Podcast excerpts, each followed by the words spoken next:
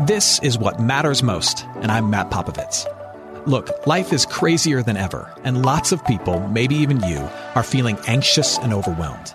Today's message is designed to help you figure out what's most important and to experience the peace and joy that God intends for you. Because life is a gift, and it shouldn't be wasted on worry. I'd like to give you a resource, something to help you navigate the road ahead. Just go to mattpopovits.com, click on the icon, and we'll send it to you. That's Matt, P-O-P-O-V-I-T-S dot com. And hey, if you happen to live in the Houston area, I'd love to see you on a Sunday morning at St. Mark in Spring Branch. Head to stmarkhouston.org to plan your visit. Here's today's message. Thanks for listening.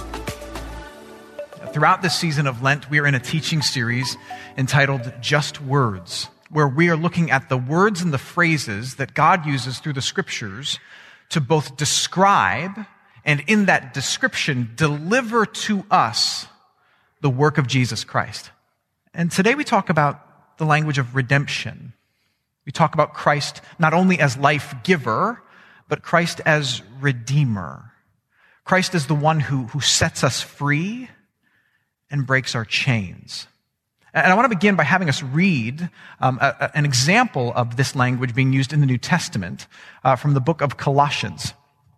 I want us to read these words together. Yeah, Colossians chapter 1. Uh, read these with me uh, nice and loud. Uh, Jesus has delivered us from the domain of darkness and transferred us to the kingdom of his beloved Son, in whom we have redemption. Uh, that word redemption is um, almost solely used today in a theological sense. Um, if you were to make a list of, of theological, spiritual, dare I say, Christiany words, uh, redemption would be on that list, along with words like um, atonement and fellowship and hedge of protection. If you grew up in churches, you've heard people use that phrase, right? Some of you know what I'm talking about. There are these words that only people who are parts of churches use, and redemption belongs on that list, but it wasn't always that way. Uh, the reason uh, the first century, second century writers of the scriptures, as they were led by the Holy Spirit, used this word of redemption is because it was common to the first century, second century hearer. Not in a religious context, but in the context of commerce, uh, of business, uh, of trade. In the first century, uh, a sad but very real uh, reality was that of slavery, of indentured servitude the fact that if I became indebted to you and unable to pay off those debts, if I owed you and was unable to, to gather up the funds to kind of get off the hook, I would be put in service to you. I could willingly put myself for a number of years in service to you and your family and your home until which time my debt was paid and I could be set free. It was a common thing, first, second century.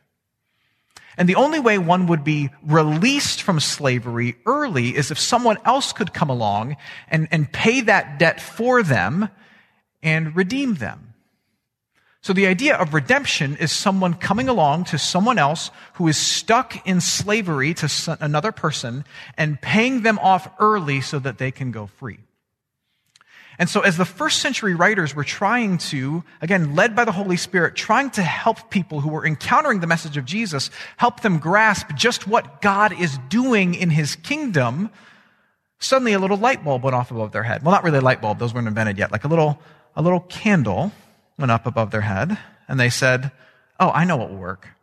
You know how when, when someone is in indentured servitude to somebody else, they are in willing slavery to somebody else because they owe a debt that they cannot pay? Yeah, yeah, yeah.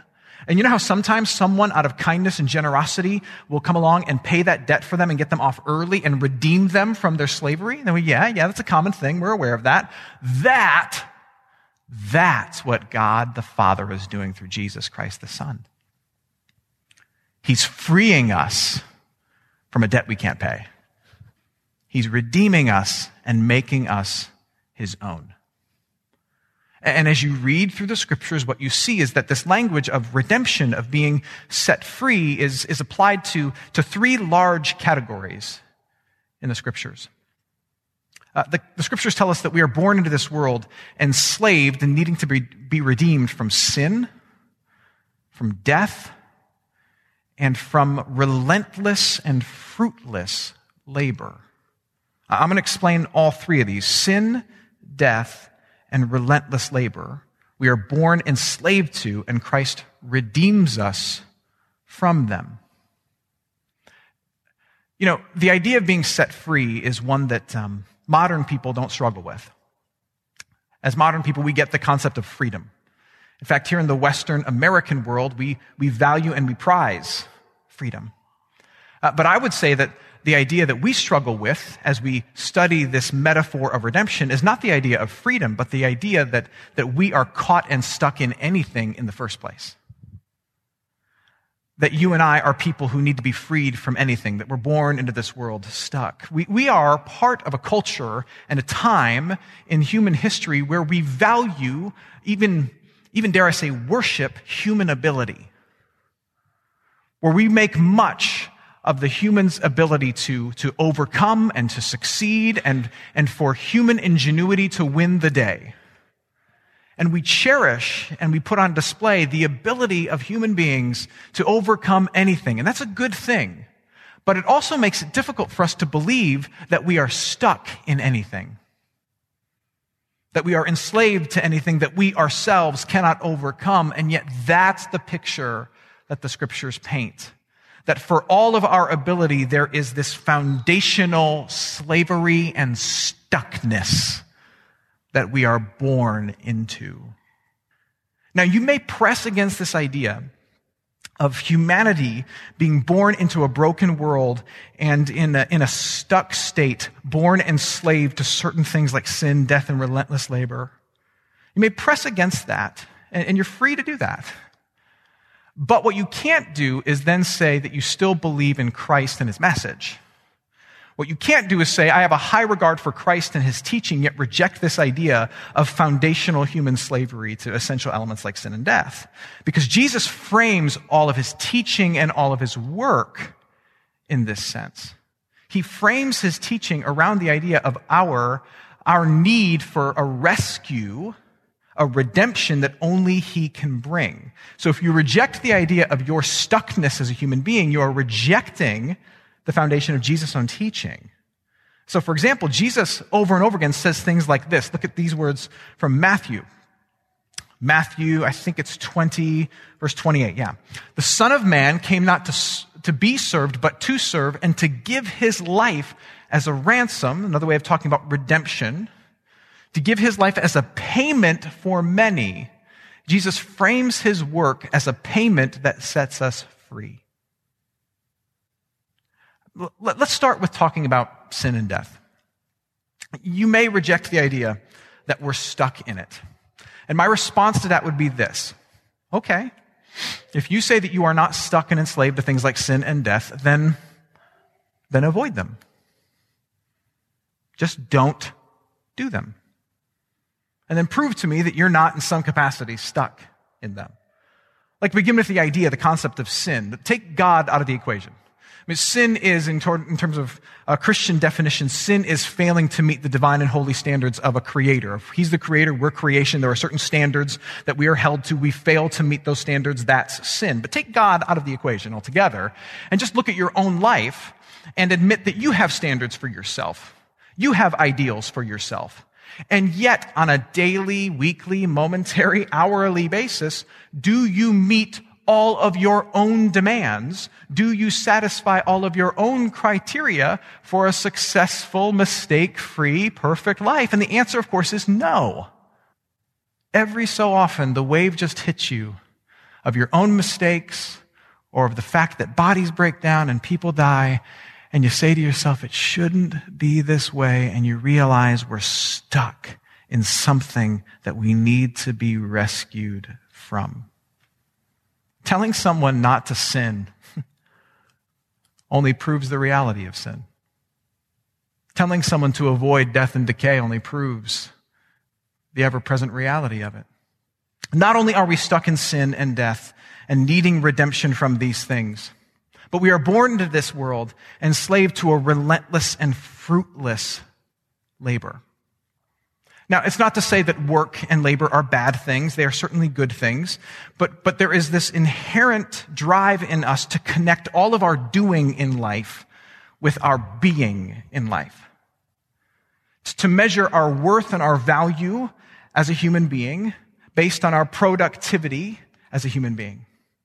To take all the different avenues of life, my family, my job, my church, my citizenship, everything, the assessment of my peers, and, and to take all of this doing and working that I have and to equate it with my worth and my being. And the problem with that is that you end up putting yourself on a treadmill. I, I like to run every day. Every day I run a few miles and uh, I run on a treadmill and I enjoy it. And there's lots of benefits of it. You, you, you break a sweat, you burn the calories, a lot of good things happen. But there's one downside to running miles and miles and miles every day on a treadmill. You never go anywhere. You never get the satisfaction of looking back on your run and saying, man, I went a long ways. Look how awesome I am. You, you never arrive. The same thing is true when you see your work as part of your worth. When, when you tie your, your doing to your being. Work can do a lot of good things for you. You break a sweat, you burn some calories, you get in shape, right? But it's like running on a treadmill. If you have tied it to your worth, you will never arrive. Ever. You will never reach a place where you say, you know what, I've done enough, I've saved enough, I've made enough, I've impressed enough people, I've served God enough, I've, I've satisfied the expectations of my peers, I have done enough, all my working is done because now, haha, I am enough. You never, ever get there. And so you find yourself working for your being and being oppressed under the weight of that and wondering, will I ever get to a place where I'm just okay.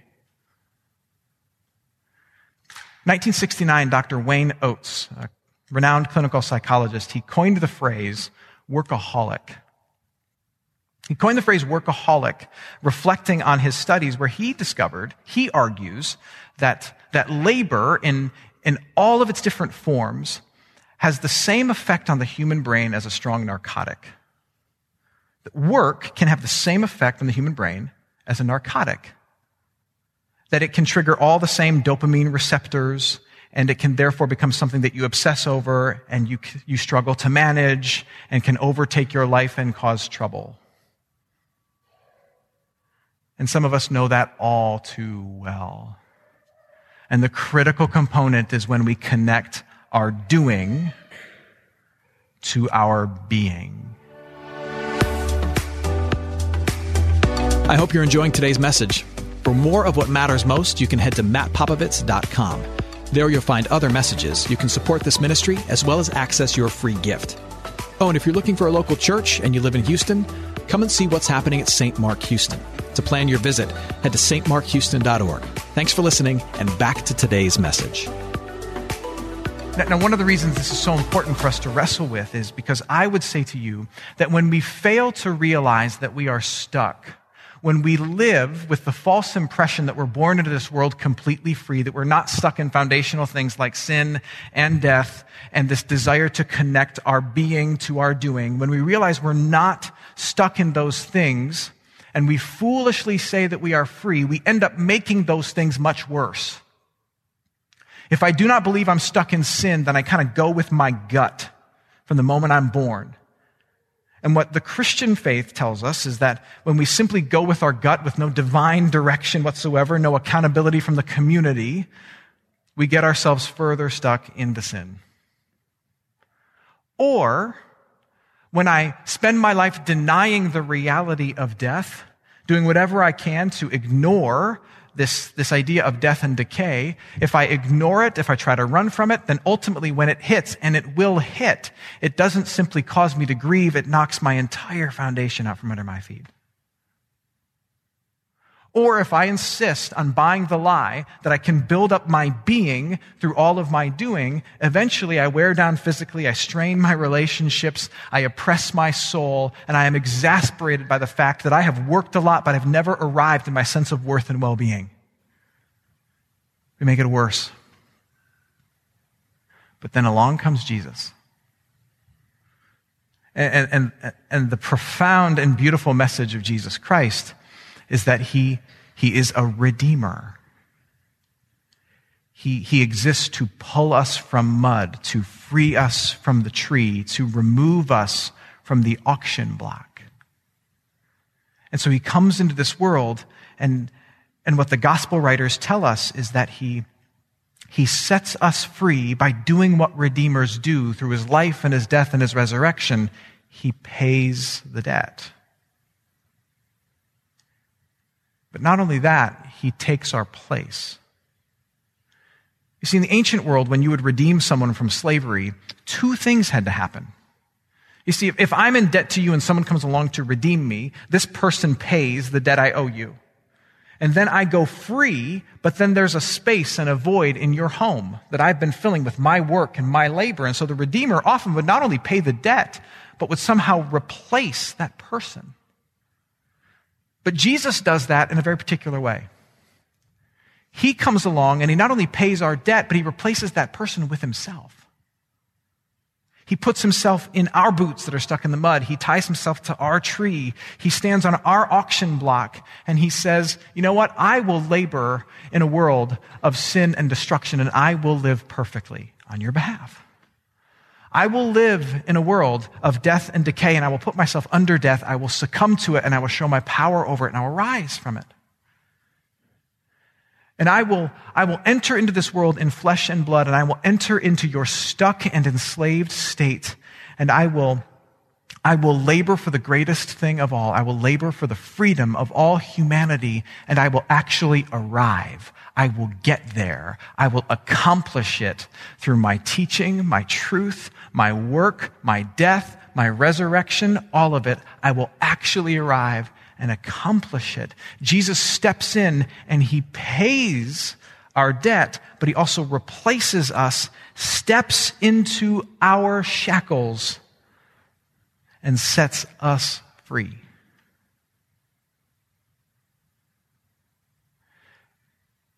Now, here's the one caveat.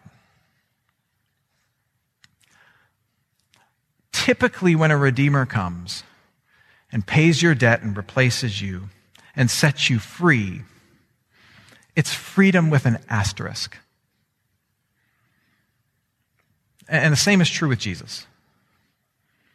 You see, in the ancient world, the Redeemer would come along and would pay for you, and they now own you. And, and your hope would that they are a kinder and gentler and more compassionate master. Jesus comes along and he pays your debt and he takes your place and he sets you free, but he also becomes your Lord. He becomes your master. He becomes the one whose home you live in and whose table you sit at. But the good news is that he's a really, really good master. That you don't, you don't live in some side barn on the back of the property, but he brings you to his table and he treats you like a daughter and he treats you as a son. In fact, he calls you daughter. He calls you son and you eat the same food. You enjoy all the same gifts. He gives you an inheritance that he gives to all of his other children. And rather than remind you of what you did wrong to get into that place, rather than, than remind you that, that things like death and decay are realities, rather than tell you that you've got to work to prove your worth. It's a whole different household. He welcomes you in. And though he's paid for you and you are his, he treats you like one of his own children. And when you are bothered by the things you've done wrong, he looks at you and says, Oh, no, no, my love covers that. It's forgiven. And when you are worried about death and decay, he looks at you and he says, Oh, my empty tomb overcomes that. In this, in this family, you live forever. And when you are worried about whether or not you've proven your worthiness by doing enough things in your life, he looks at you and he says, No, no, not at this table. This is not how we do things. We do not prove our worth by what we do. The fact that you're at this table tells you that you're loved and you belong and you're mine. That's how we work in this household. In fact, I would say to you that so much of the Christian life is, is about remembering that truth and, and allowing it to shape how we do our work, how we live in our homes, how we love our friends, how we operate in this city. And remembering, oh yes, that's right. I've been set free. I have, I have a new king, a new master. I live in a new home where there are new truths at work.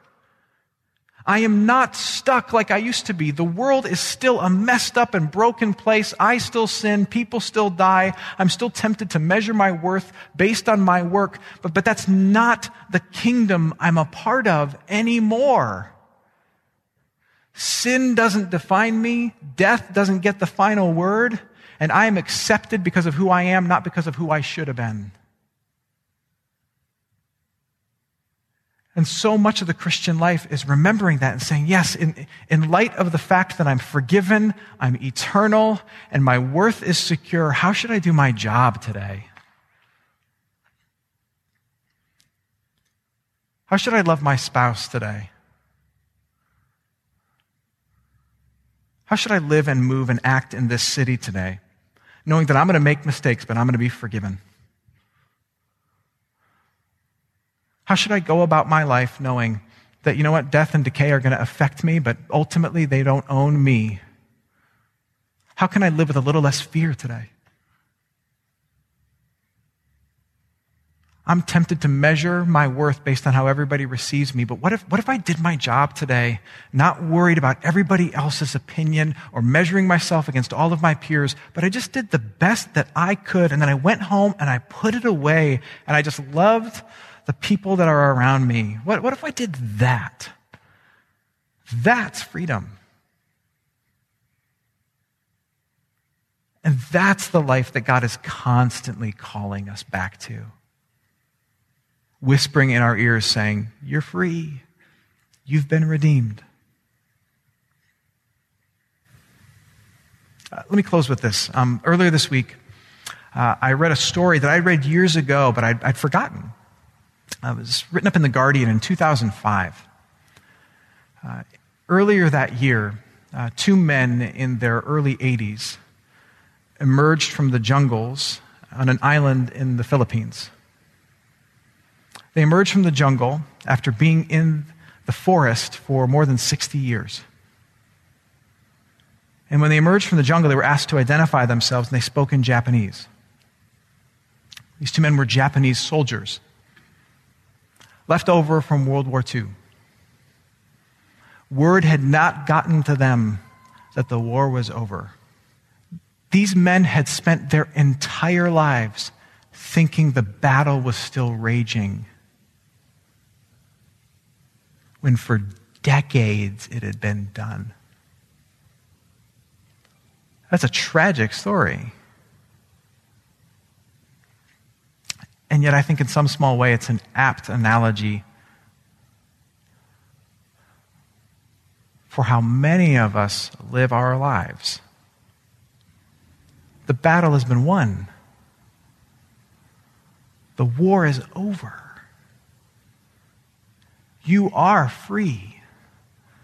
Through the work of Jesus Christ, your sin no longer has to define you. Death no longer has to haunt you. Your work no longer has to own you. Jesus has pulled you out of these things. You do not need to live in fear, holding your weapon, thinking that you are stuck and on your own. You can put them down, let go, walk out of the woods, and live in a different life. And over and over and over again, that is the call of Jesus to his people. Come out from the battle, come out from the mud, untie yourself from the tree. Jesus Christ has delivered you from the domain of darkness into the kingdom of light and love and mercy. You are redeemed. Hey, it's Matt. I hope you enjoyed what matters most. Here's what I need you to know life is a gift, and it shouldn't be wasted on worry.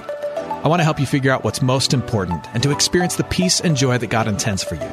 So, for more content, you can head to mattpopovits.com. That's Matt, P O P O V I T S.com. There, you can also support this ministry as well as access your free resource, a little something to help you navigate the road ahead. I'd also love to see you on a Sunday morning if you're in the Houston area head to stmarkhouston.org to plan your visit. In the meantime, hit me up on Instagram at mpopovits or at facebook.com slash Matt Ministries. Thanks for listening. Now go and hold tight to what matters most.